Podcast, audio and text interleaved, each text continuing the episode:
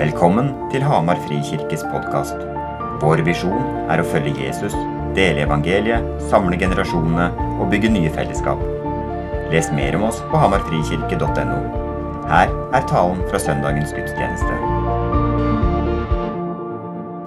Jeg husker en, en kjøretur. Altså, jeg, em, jeg, eh, jeg var jo aldri Jeg ble jo ikke konfirmert, for den, vi var jo ikke tilknyttet til en kirke som drev med konfirmasjon, men det var liksom vanlig å markere at man ble 15 år, så jeg feira 15-årsfest à la sånn konfirmasjonsfest. Og da ønska jeg meg en bibel, husker jeg. Um, og så begynte jeg å lese i Bibelen og slo opp i Matteusevangeliet. Og litt ut i Matteusevangeliet så kommer du til en tale som heter Bergprekenen. Og jeg var 15 år, hadde lest lite i Bibelen og kom til Bergprekenen. Og Jesus sine ord i Bergprekenen, det var, eh, det var hardt for en 15-åring. Um, og jeg husker jeg ble veldig stressa. For hvordan, hvis dette er standarden Gud setter, det går ikke bra, vet du. Og jeg husker liksom spesielt én kjøretur. Vi bodde i Romdal. Jeg satt i baksetet, og pappa kjørte. Så husker jeg at jeg tenkte Hvis vi krasjer nå, kommer jeg til himmelen da? Hva hvis jeg ikke rekker å be om synd? Be om tilgivelse for synd? Og så husker jeg at kjøreturer for min del i 10. klasse og utover, det var sånn stresselement. Tenk hvis vi krasjer. Tenk hvis jeg dør brått og ikke rekker å be om syndstilgivelse. Hvor er det jeg havner da? Ehm, og så, jeg husker jeg liksom jeg snakka med mamma og pappa om det, og jeg fikk ikke noe så gode svar, syns jeg. Men jeg, det, det, det var en sånn kamp, da. Frustrasjon. Hva skjer hvis jeg dør brått? Hva er synd? Hva er, eh, hva er det greiene der? Og, og hvordan henger det der sammen, sånn egentlig? Um, og det skal jeg prøve å snakke om i dag, da. Jeg starta en taleserie forrige søndag med å henvise til Jesus sine ord i Markus, hvor han sier at tiden er inne. Guds rike er kommet nær. Vend om og tro på evangeliet. Så snakka jeg om Guds opprinnelige visjon. Eh, og skal vi, vi skal plukke opp tråda fra det i dag og snakke om hva som skjedde mot slutten av den historien i skapelsesberetningen. Men kort oppsummert først. Gud skaper en hage. Der starter Bibelen. En hage som beskriver Guds visjon. En hage hvor Gud er fullt til stede med hele seg. At det står om at Gud gikk omkring i den svale kveldsbrisen. Da er du fullt og helt til stede. Og så står det om to trær, hvor det ene treet, livets tre, symboliserer Guds vesen, Guds kraft, Guds liv, Guds hellighet. Og så står det om treet som kunnskap til godt og vondt, symboliserer Guds autoritet, hans rett til å definere godt og vondt, og hans makt, hans allmakt. Mennesket og verden ble skapt godt, ikke perfekt, men godt. Svært godt. Og vi skulle være med å utvikle og skape videre gjennom kreativitet, gjennom arbeid, gjennom lek, gjennom kunst, gjennom fellesskap. Og vi skulle være medarbeidere og medherskere som konger. Fordi det å være skapt i Guds bilde var å være konge. Og Det betød at alle skulle være medherskere sammen med Gud, og alle var unikt verdifulle. Og Alt dette skulle skje i rammen av at vi tilba Gud med hele oss, og elska Gud med hele oss, og elska hverandre. Det var Guds visjon. Opprinnelige visjon. Og så går alt galt idet mennesket fristes av en slange. Og der skal vi plukke opp tråden i dag. Hva betød det egentlig? Hva var det som skjedde? Jeg tror aldri jeg har snakka om synd sånn så direkte og konkret som jeg skal gjøre i dag. Um, og eh, å snakke om synd, det kan, bli, det kan oppleves veldig hardt. Um, men jeg tror at i dag så skal vi eh, få en sånn ærlig og reell erkjennelse av oss sjøl. Men så skal vi lande det veldig godt. Okay? Det, det, kommer til å gå bra. Men på veien dit så må vi være ærlige. Ok? Jeg ber en kort bønn, og så skal vi lese en, et langt avsnitt etter det. Vi ber.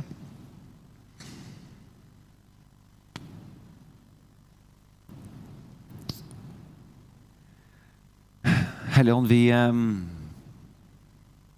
åpner våre hjerter og våre tanker og vårt liv for deg. Gud, du er trygg, og du er god. Så for min egen del, og forhåpentligvis for oss, så sier vi at fordi du er trygg og god, Gud, så tør vi nå å være helt ærlige og åpne for det du har å si til oss.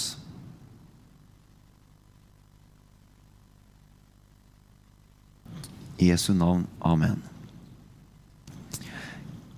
Vi leser. Slangen var listigere enn alle ville dyr som Herren Gud hadde laget. Den sa til kvinnen, har Gud virkelig sagt at dere ikke skal spise av noe tre i hagen? Og husk på det, mennesker kunne spise av alt. Alle trær de var godt forsørga, men det var ett tre de ikke kunne spise av. Har Gud virkelig sagt at dere ikke skal spise av noe tre i hagen? Legg merke til den vridningen, den løgnen der. Kvinnen sa til slangen vi kan spise av frukten i trærne i hagen, men om frukten på treet som står midt i hagen, har Gud sagt, dere må ikke spise av den og ikke røre ved den, for da skal dere dø.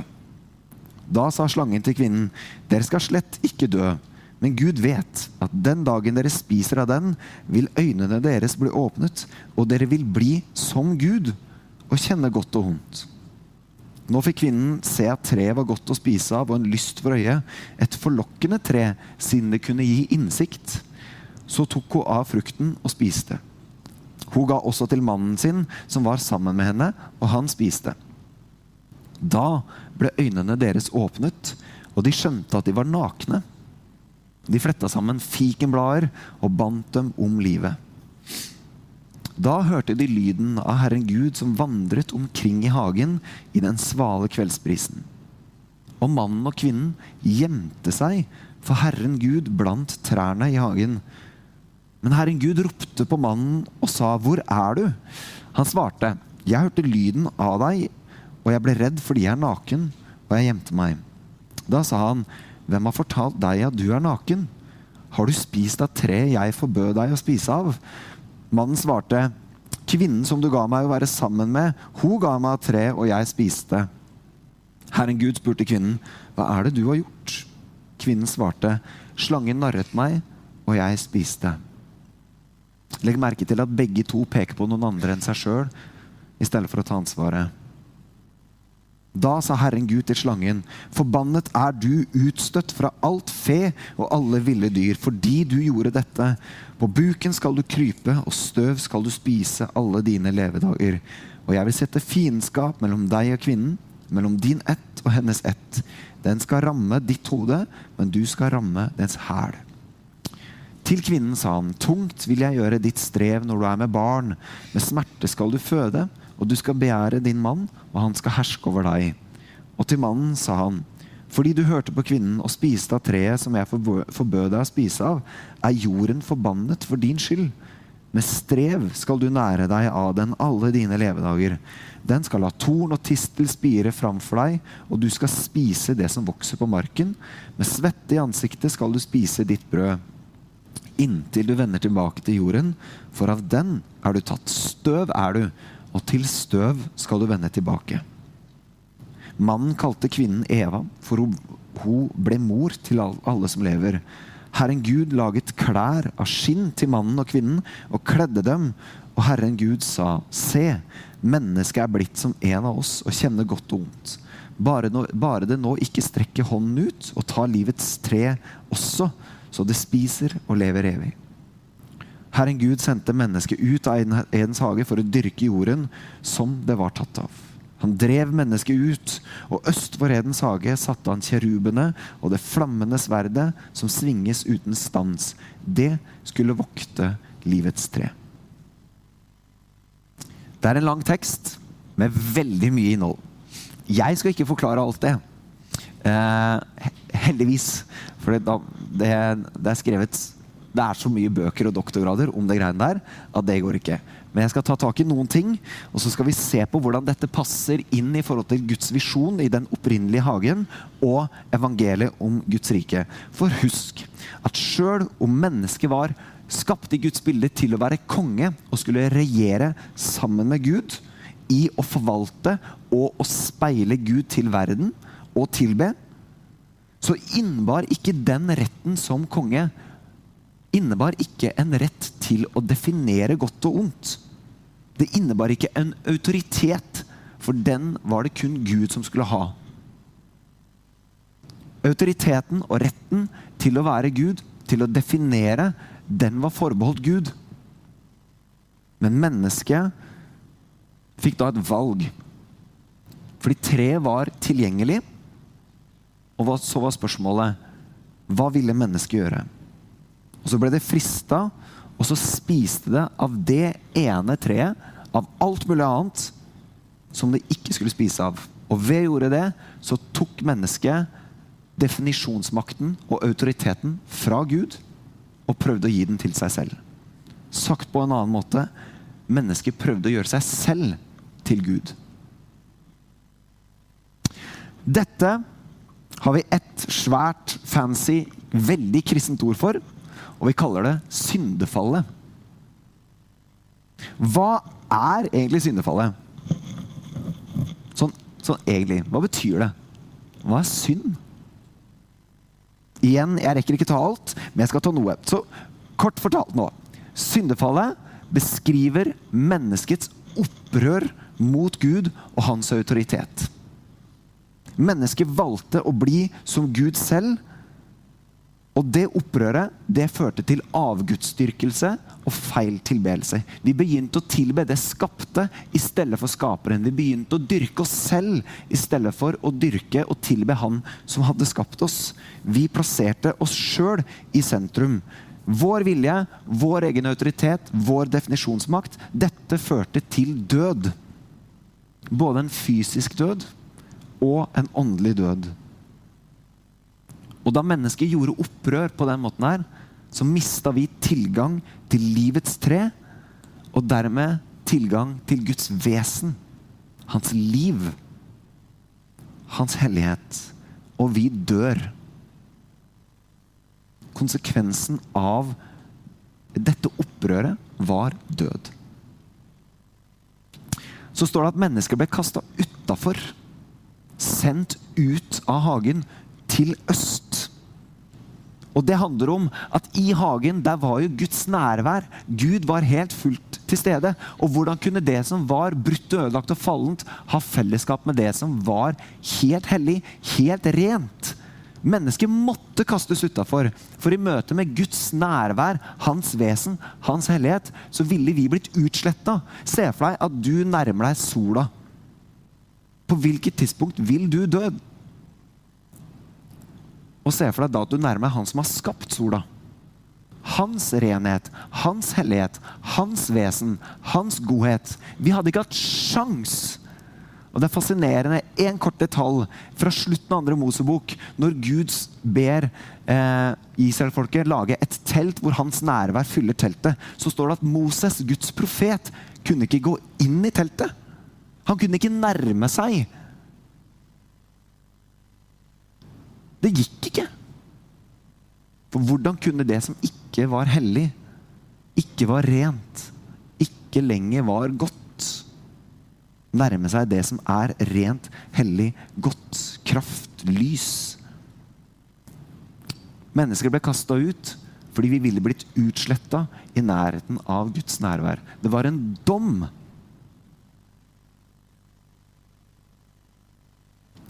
Denne, det nye testamentet og Bibelen bruker masse ulike ord og begreper og, og, bilder for å beskrive denne tilstanden av det som nå skjedde. Av at mennesker ble kastet utafor, og mennesket tok Guds autoritet, eller prøvde å ta dem på seg sjøl. Jesus beskriver i Johannes evangeliet så beskriver han mennesket på den måten her. Dere som er onde.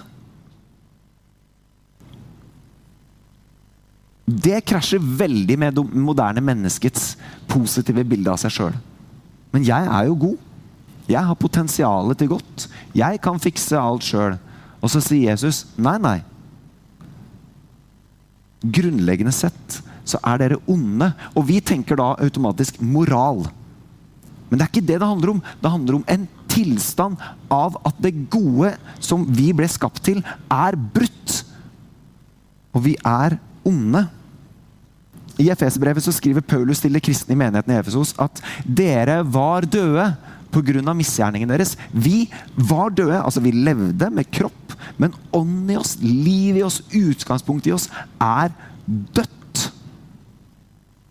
I Romerbrevet kapittel 3 så skriver Paulus generelt om menneskeheten. Så siterer han masse salmer fra Gammeltestamentet. Så sier han det finnes ikke én rettferdig. Ikke én eneste. Bare hør språket Paulus bruker. Det er, det er dønn ærlig. Det finnes ikke én rettferdig, ikke én eneste. Det finnes ikke én som forstår, ikke én som søker Gud. Alle er kommet på avveier. Alle er fordervet. Det fins ikke én som gjør det gode, ikke én eneste. Bam! Snakk om å understreke poenget. Det han sier er dere har ikke sjans. Og så kunne jeg strøk, trukke fram masse skriftsteder og, og bibelsitater, og vi kunne gått skikkelig djupt inn i det her. Men poenget er jo at pga. det opprøret så ble mennesket fratatt sin evne til å ligne Gud. Vi ble fratatt vår evne til å speile Gud til verden. Vi ble fratatt vår evne til å elske ubetinget. Vi ble onde er det Jesus beskriver som. Vi ble skapt til liv, men vi døde. Vi ble skapt til å elske ubetinget, men vi valgte oss sjøl, og vi falt. Vi ble skapt til å tilbe Skaperen, men vi dyrket i stedet det skapte. Og det gjelder hele meg. Alle sider ved meg er derfor brutt, ødelagt og fallent. Min kropp mine følelser, min syke, min seksualitet, min relasjonelle kapasitet. Alt ved meg er i utgangspunktet prega av det opprøret. Det er ødelagt. Og så bærer vi fortsatt med oss sannheten om at vi er skapt i Guds bilde. Det ligger en visjon over oss til å elske Gud, til å ligne Gud, til å speile Gud. Vi er fortsatt verdifulle, men den iboende evnen i oss er ødelagt. Vi er døde. Det er som om alt i meg som var godt, har blitt forvrengt. Det er som om det som var rett og godt, har kommet ut av vater. Det er der fortsatt, men det er liksom skjevt. Det er forvrengt. Kroppen min funker ikke sånn den skal funke. Seksualiteten min funker ikke sånn den skal funke. Min evne til å elske funker ikke sånn den skal funke. Alt ved meg er der, men det er som det er forvrengt. Dette førte til synd, og synd førte til død og lidelse. Ikke bare i meg, men i hele skaperverket. Alt det skapte, er brutt og ødelagt. Så når Bibelen snakker om synd, så snakker Bibelen derfor både om en tilstand og aktivitet. Tilstand og handling. Synd er opprør mot, mot Guds vilje. Synd er et opprør mot Guds rett til å være Gud. Synd er at vi dør.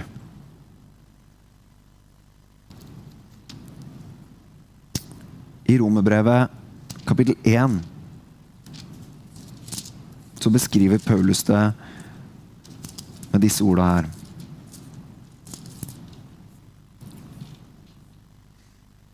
De kjente Gud. Men likevel så lovpriste og takket de ham ikke som Gud. Med sine tanker endte de i tomhet, og deres uforstandige hjerter ble formørka. Så leser vi videre fra vers 28. De brydde seg ikke om å kjenne Gud. Derfor overga Gud dem til en sviktende dømmekraft, så de gjør slik de ikke sømmer seg. De er fulle av all slags urett, umoral, grådighet og ondskap. Fulle av misunnelse, mordlyst, strid, svik og falskhet. De farer med sladder og baktalelse. De hater Gud, de bruker vold og er overmodige og brautende. De pønsker ut ondskap og er ulydige mot foreldra. De er uforstandige, upålitelige, ukjærlige og ubarmhjertige. De vet hva Guds lov sier at de som gjør slikt, fortjener å dø. Men ikke bare gjør de dette selv, de roser også andre som gjør det. Det er mye der jeg kjente meg igjen i, for å si det sånn. Bibelen sier masse, sier masse om synd.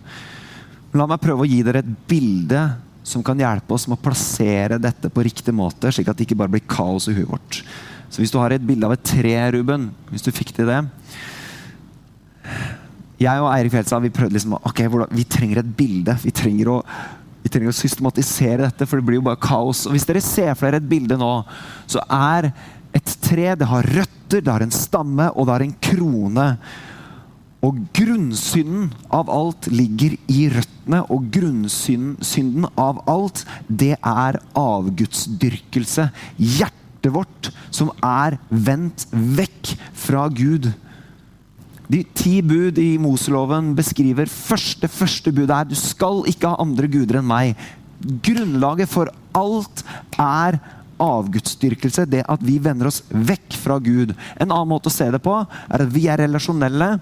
Og hovedrelasjonen meg til min skaper, den blir forvrengt og ødelagt og skada fordi jeg tilber noe annet enn han. Luther sa det på en måte her at avgudsdyrkelse Din avgud er det du gir ditt hjerte og tillit til. Jeg hørte en nylig si at avguden din det er det første du tenker på når du har ledig tid. Når du kjeder deg mat, jobb, TikTok, nyheter, sex, porno. Hva er det du dyrker? Hva er det hjertet ditt går til når, du, når alt stopper opp? For min del så er det hage og drivhus. Ja, men jeg mener det. Tenk at noe som er så fint, så gøy, så kjekt, kan bli en avgud. Og jeg ber nesten hver dag kjære Gud, beskytt meg mot de greiene der. Jeg, jeg, tror det. Det er så kjekt. Men bevar meg så det ikke blir en avgud. Hva er det første jeg tenker på? Det er ikke nødvendigvis Jesus. Stammen det er nivå to av synd. Det er det som skader min relasjon til Gud og til meg selv. Nivå én avgudsdyrkelse skader relasjonen til Gud. Nivå to stammen, som skader relasjonen til meg selv og til Gud. Det er det Jesus sier i Johannes 16, 9, når han sier synden er at de ikke tror på meg. Det er det at vi ikke tror sannheten om hvem Jesus er, og sannheten om hvem vi er i Jesus. Tror jeg oppriktig at Gud er god, ikke bare om hodet, men med hjertet, tror jeg oppriktig at jeg er uendelig verdifull. Og så kommer kronen, som er relasjonen til Gud, relasjonen til meg selv og relasjonen til min neste og til skaperverket. Og det beskrives på så utrolig mange måter. Men hvis vi går til Matteus 15, så kan vi lese dette fra i vers 18 og 19. Men det som kommer ut av munnen, det kommer jo fra hjertet. Og det gjør mennesket urent. For fra hjertet kommer onde tanker, mord, ekteskapsbrudd, hor, tyveri, falsk vitnesbyrd og spott. Dette er det som gjør mennesket urent. Poenget er jo ikke at moral er jo ikke det som er problemet. Moral kommer jo bare ut av noe. Moral er jo bare en konsekvens. Men ikke sant? jeg vokste jo opp med at vi snakker jo bare om moral. Du skal gjøre sånn. Du skal gjøre rett. Og så jobba vi bare på kronen av treet. Men hva er det som er problemet? Det er jo det som skjer i røttene, som er problemet. For hvis røttene ikke funker, hvis stammen ikke funker, så er kronen ingenting verdt. Hvis avgudsdyrkelsen er på plass, og hvis hjertet ditt ikke er på plass, ut av det så kommer det vi kaller for umoral. Det er avgudsdyrkelsen, det er hjertet vårt, det er vantroen vår som er problemet. Og ut av det så kommer alle til kort.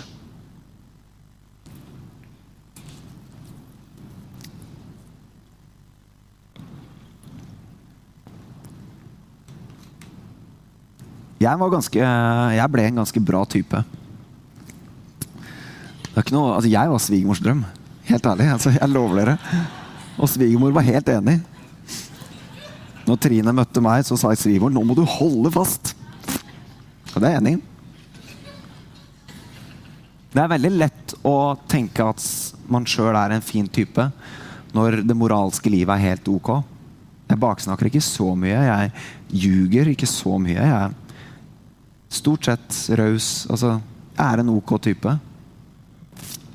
Men hvis blikket mitt på synd handler om moral, så er det veldig, lort, veldig fort da, å havne i den fella ja, men jeg, jeg, trenger jo ikke Jesus, fordi det her går jo stort sett ganske bra. Ergo den moderne forståelsen av evangeliet rundt meg. Ja, men jeg er jo ganske bra, så hvorfor skulle Gud avvise meg? De fleste nordmenn har en tanke om at Gud eksisterer, men de tror ikke Gud vil avvise dem, for de tror jo og mener, og har stort sett rett, i at de er ganske ok folk. De aller fleste mennesker er ganske ok folk. Men det er jo ikke det Bibelen beskriver som problemet. Bibelen beskriver at problemet er hjertet vårt. At det er vendt vekk fra Gud. Røttene er ødelagt, stammen er ødelagt. Og ut av det så kommer en krone som ikke skal være det den var.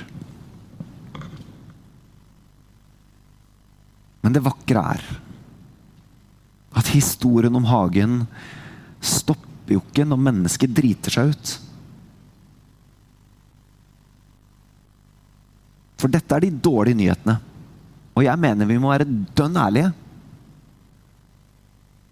For Hvis dette ikke er tilstanden til mennesket, da kan vi ikke kalle noe ondt.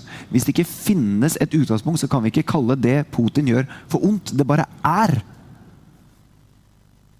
Vi kan ikke beskrive det som ondt hvis det ikke finnes en moralsk standard satt av noen. Det bare er. Og hvorfor i all verden skal jeg klage da?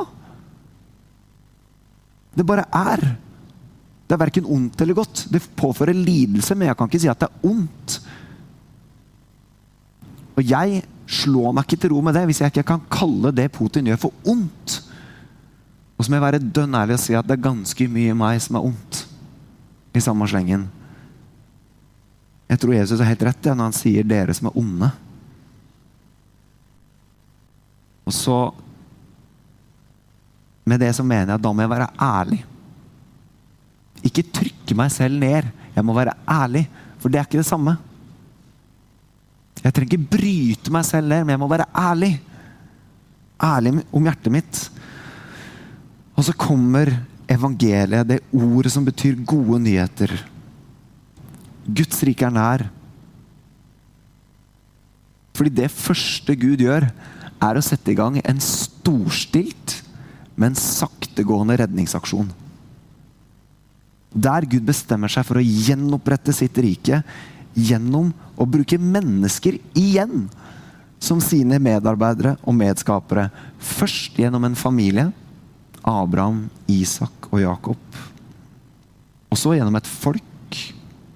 Så gjennom en nasjon. Og så gjennom en kirke. Med ett mål for øye, nemlig at han kan komme nær. At himmel og jord igjen kan komme sammen. At Edens hage kan gjenopprettes, og fellesskapet gjenopprettes. Der mennesket igjen kan få leve ut gudsbildet i seg. For hva er det som skjer etter syndefallet? Nå, la meg gi noen stikkord nå. Jo, Det første Gud gjør når han sender mennesket ut, er å kle dem. Har du tenkt over det? Fascinerende. Han dømmer dem gjennom å gjøre bl.a. godhet mot dem. Dere kan ikke være sammen med meg, men her er klær, så dere overlever. Jeg fortsetter å forsørge dere, selv om dere nekter å tilbe meg. Det er Guds karakter synlig til stede. Og så kaller han Abraham en stusslig type fra et sted i Irak, Iran og sier 'deg skal jeg gjøre til et stort folk'. Og så står det om at Gud gjester Abraham. Han besøker han. Igjen en opplevelse av nærvær. Gud kommer nær. Og så kaller han Jakob, og Jakob får en bilde av en stige fra himmelen til jorden. Igjen Guds nærvær som kommer ned. Og så sier Jakob 'Gud var her'. Guds nærvær igjen. Hagen på ny. Og så kaller han Moses når han skal redde israelsfolket fra Egypt, så kaller han Moses i form av en busk. Og det er et ekko fra livets tre. Guds lys, Guds hellighet, Guds nærvær som strålte ut. Det brant ikke opphusken. det utsletta ikke. Nei, det lyste. Gud kom igjen nær. Igjen et ekko av hagen og livets tre. Og så kaller Gud et folk. Et stusslig, lite folk som er slaver og så drar de ut av slaveriet, og så kommer Gud nær i form av en lysstøtte og en skystøtte. En søyle av lys, en søyle, søyle av skyer, som følger folket, som beskytter og bevarer og viser vei. Igjen en opplevelse av nærvær. Og så ikke sant? Mennesket er jo menneske, og jødene er jo ikke noe bedre enn meg. ikke sant? på det her. Slik at Idet Gud, idet Moses går opp på et fjell for å møte Guds nærvær på et fjell og motta loven og budene, så driver folket på med avgudsdyrkelse. De lager seg en gullkalv og viser 'her er den som fridde oss ut av Egypt'. Alt er jo feil! Samtidig som Guds nærvær kommer nær, så driver de på med avgudsdyrkelse. Hva gjør Gud? Jo, han feller en dom, men så sier han til Moses Bygg meg et telt, et tabernakel, hvor jeg kan komme nær igjen. Det er jo helt merkelig at han ikke gir opp. Og hva er det han søker? Jo, han vil komme nær. Han kommer nær, han kommer nær. Nærvær. Tempel. Hvis jeg husker det, Et tempel er hvor himmel og jord møtes. Det skapte og skaperen er sammen. Han gjenoppretter og søker å gjenopprette et tempel. Dette tabernaklet, dette teltet som bygges, er fylt av symboler og motiver fra Edens hage. Og der flytter Gud inn. Midt blant folket ute i ørkenen så bygges det et, nei, et telt, og der er Gud. Midt blant symboler fra hagen. Det er jo Edens hage igjen! Ikke sant? Igjen et tempel.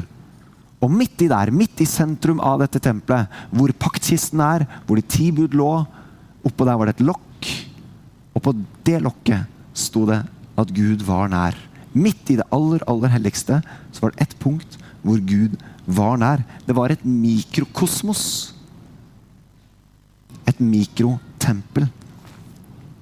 Der ville Gud møte folket. Der, so, der synd ble bekjent. Der offerlammet, blodet ble øst ut. Soningsstedet. Der var Gud. Dette beveger seg videre med folket og deres historie. Etter hvert så kommer jødene til landet som de ble lovet. Og så hopper vi langt fram i, his historien. Vi hopper forbi profeter, vi hopper forbi dommere. Vi hopper rett til kongene. Kong David har seiret og inntatt tronen. Han henter paktkisten der Guds nærvær var i teltet. Og så henter han det til Jerusalem. Og så tilgjengeliggjør han tilbedelse for alle. Og Guds nærvær kommer igjen nær til Jerusalem. Lovsang og tilbedelse skjer igjen på ny midt blant folket. Davids sønn Salomo bygger et telt, nei ikke et telt, men et tempel som ligner på teltet. Masse symboler fra Edens hage. Igjen Edens hage, et mikrokosmos midt i Jerusalem. Og Guds nærvær kommer i form av en sky igjen.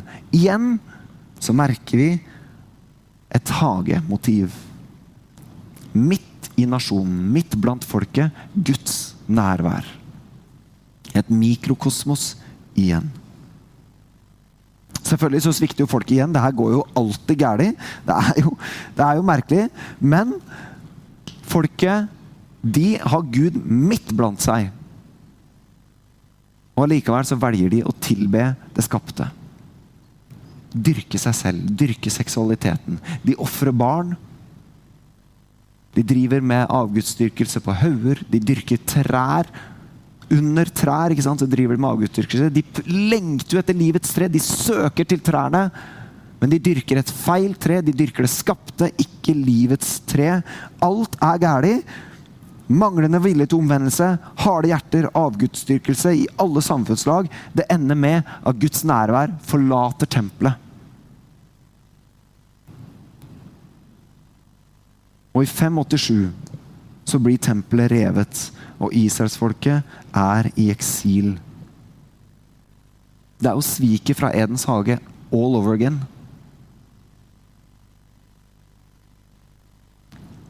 Historien fortsetter med at Gud gir bilder og visjoner til profeter. Og så sier han ja, men jeg skal komme nær igjen. En gang så skal jeg bli konge. En gang skal mitt nærvær komme nær. En gang. Det kommer. Og De prøver å gjenoppbygge dette ved å bygge opp igjen tempelet, ved å bygge opp igjen Jerusalem, men Guds nærvær kommer ikke. Og Slik går det i 400 år. Og så er det profeter, bl.a. Esekiel, som snakker om at en gang så skal jeg ta de harde hjertene deres så skal jeg bytte de ut og så skal jeg gi dere et kjøtthjerte. Mitt hjerte. Og jeg skal gi dere min ånd. Og mitt nærvær skal igjen fylle tempelet. De har bilder, de har tanker, de har løfter, og de lengter. Og inn i historien så kommer Jesus. Og Vi kan lese i Johannes evangeliet, kapittel 1.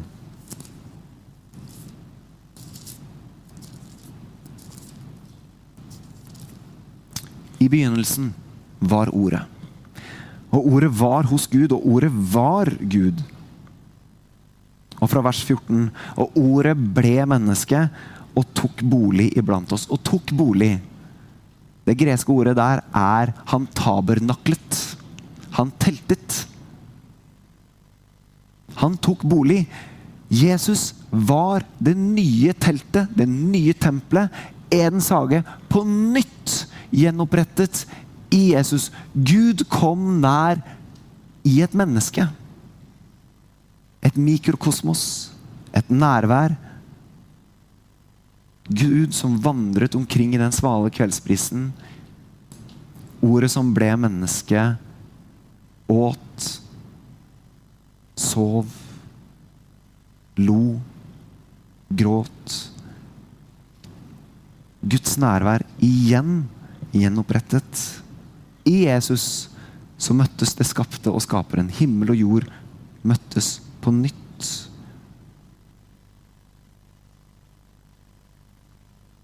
Og her skal vi plukke opp tråden neste uke. For det er Det fortsetter, det fortsetter jo. Gud er ikke ferdig.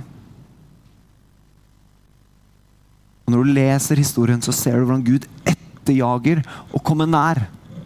Han etterjager å gjenopprette sitt rike, som er et tempel hvor himmel og jord møtes. Han etterjager å være i sentrum av det hele. Så hvordan skal du respondere på det jeg har sagt nå, da? Vi skal starte med synsbekjennelsen, som vi ikke sa i stad. Nå skal jeg være litt stille. Og så kan du få lov til å um, Ja, det som skjer i deg, det skal få lov til å skje. Og så skal vi bekjenne synd sammen. Så skal jeg si litt mer etterpå. Vi plukker opp tråden. Hva er det første du tenker på når du blir stille? Hvor er det du har plassert din tillit? Hva er det du lengter etter? Hva er det du dyrker? Sånn egentlig.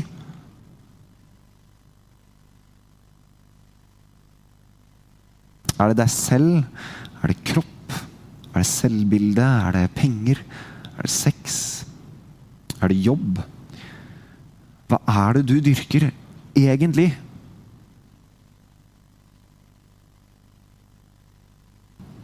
Vi lar det være litt stille, og så skal vi bekjenne synd sammen.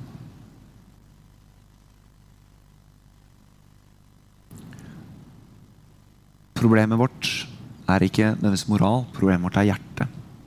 Og når vi sier synsbekjennelsen nå, legg merke til ordlyden som vi bekjenner hver søndag. Noen ganger når vi kommer i møte med um, den reelle tilstanden i oss opp mot Guds hellighet, så må noen ganger kroppen vår respondere. Uh, og Hvis du kjenner at det er riktig å knele, så kan du få gjøre det. Eller bøye huet. Eller hvis du kjenner at nei, må, noe i meg må respondere mer enn bare med ord, så skal du få lov til det. Og så skal vi bekjenne synd sammen.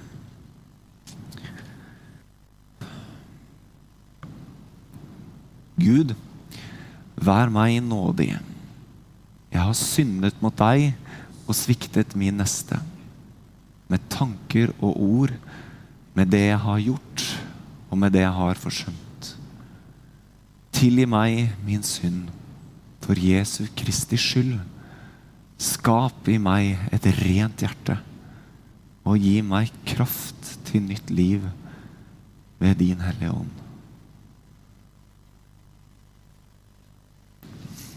Jeg skal få lov til å reise dere.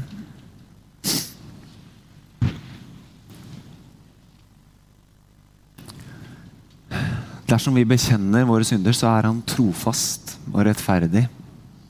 Så Han tilgir oss syndene og renser oss for all urett.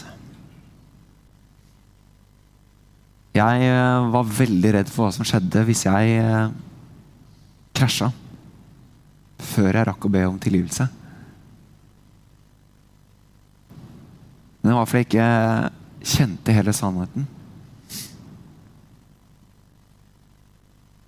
I 2. Korinterbrev 5 så kan vi lese dette. Ruben, får du det på skjerm? Nei, den som er i Kristus, er en ny skapning. Det gamle er borte, det. Se, det nye er blitt til. Men alt er av Gud. Han som ved Jesus Kristus forsonte oss med seg selv og ga oss forsoningens tjeneste. For det var Gud som forsonte hele verden med seg selv. Slik at han ikke tilregner dem deres misgjerninger, og han betrodde budskapet om forsoningen til oss. Jeg var jo ny. Jeg trengte ikke streve, for jeg var ny. Og Vi skal snakke mer om det her de neste ukene. Men når vi tar imot evangeliet, Guds nåde, ved troen og ved dåpen, så blir vi nye. Født på ny. Se, det gamle er borte. Vi er fortsatt syndere, men vi er nye. Og ekkoet fra Edens hage er gjenoppretta i oss. Derfor trenger vi ikke skamme oss.